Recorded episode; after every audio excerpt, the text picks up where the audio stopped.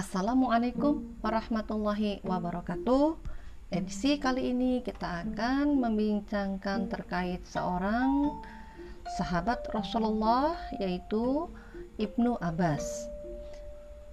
Jika kita mengenal Abbas bin Abdul Muthalib, paman Rasulullah Shallallahu Alaihi Wasallam, tentu jika disebut nama Abdullah bin Abbas, kita bisa mengetahui kekerabatannya dengan Rasulullah Shallallahu Alaihi Wasallam. Abdullah bin Abbas atau dikenal dengan Ibnu Abbas adalah sepupu Rasulullah Shallallahu Alaihi Wasallam.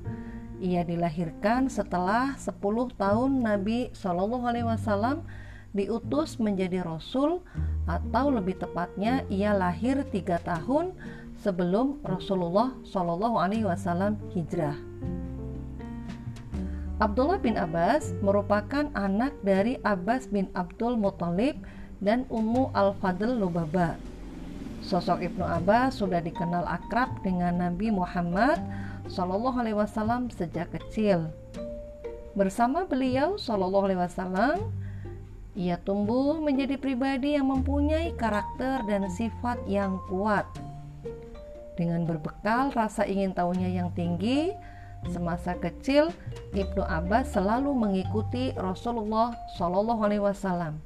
Ia rajin menghadiri majelis Rasulullah Shallallahu Alaihi Wasallam dan selalu mengingat setiap ucapan Nabi Shallallahu Alaihi Wasallam.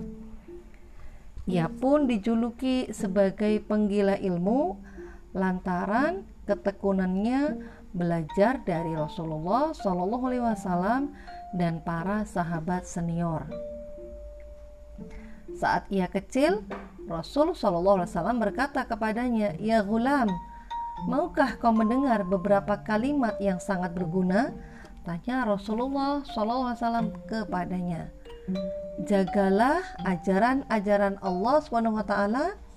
Niscaya kamu akan mendapatkannya selalu menjagamu.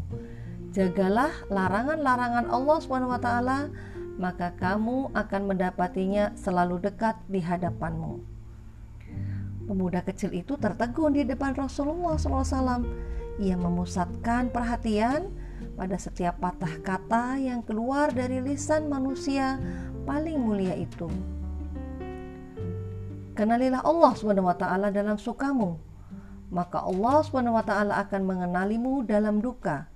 Bila kamu meminta, mintalah kepadanya jika kamu butuh pertolongan, memohonlah kepadanya.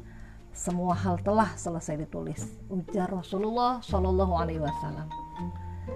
Hidup bersama Rasulullah Shallallahu Alaihi Wasallam benar-benar telah membentuk karakter dan sifatnya.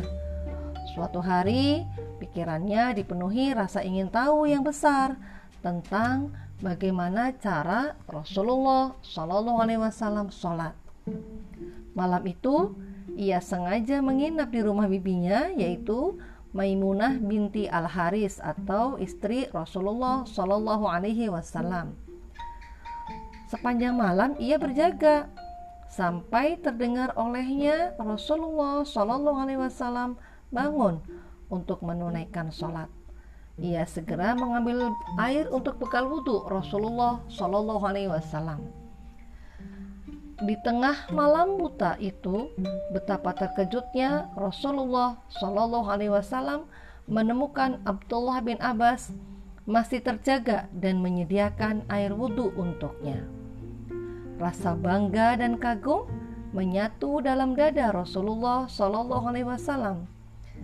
Beliau menghampiri Ibnu Abbas dan dengan lembut dielusnya kepala bocah belia itu.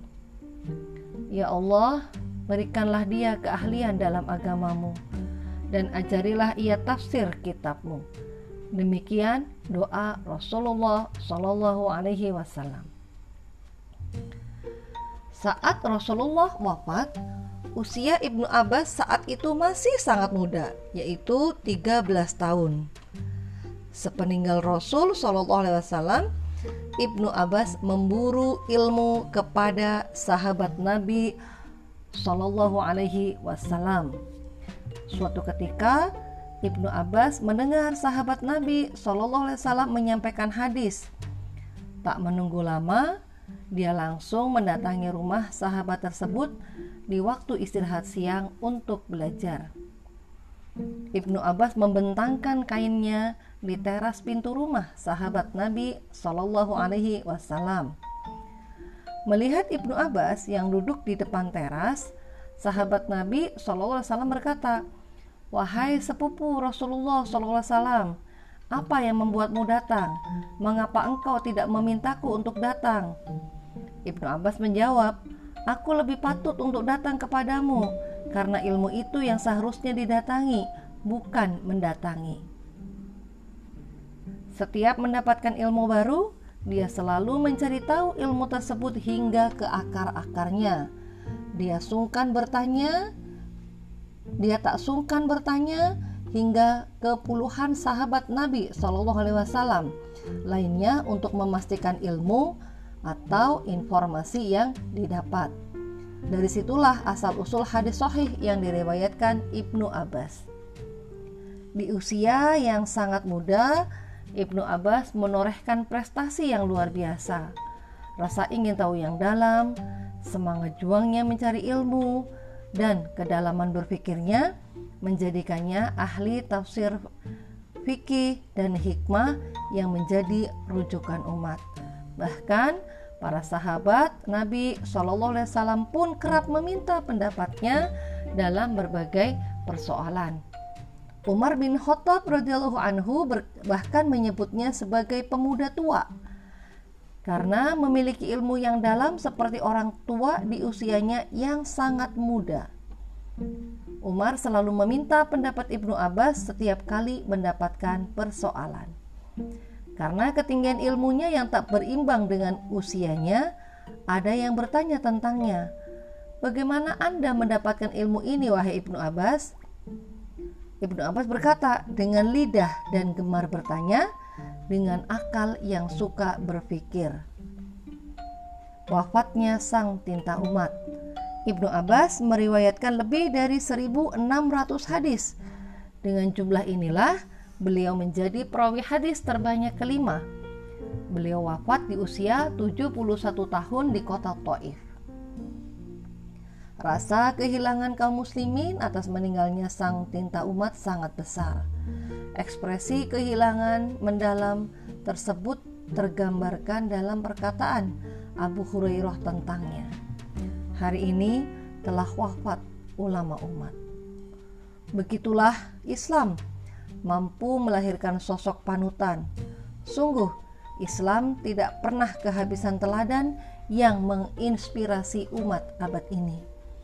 Siapa pun yang menggali lembaran sejarah Islam pasti tidak akan hilang rasa takjub akan kesungguhan para sahabat dan generasinya setelah dalam menimba ilmu, Setelahnya dalam menimba ilmu, mengamalkan serta mengajarkannya.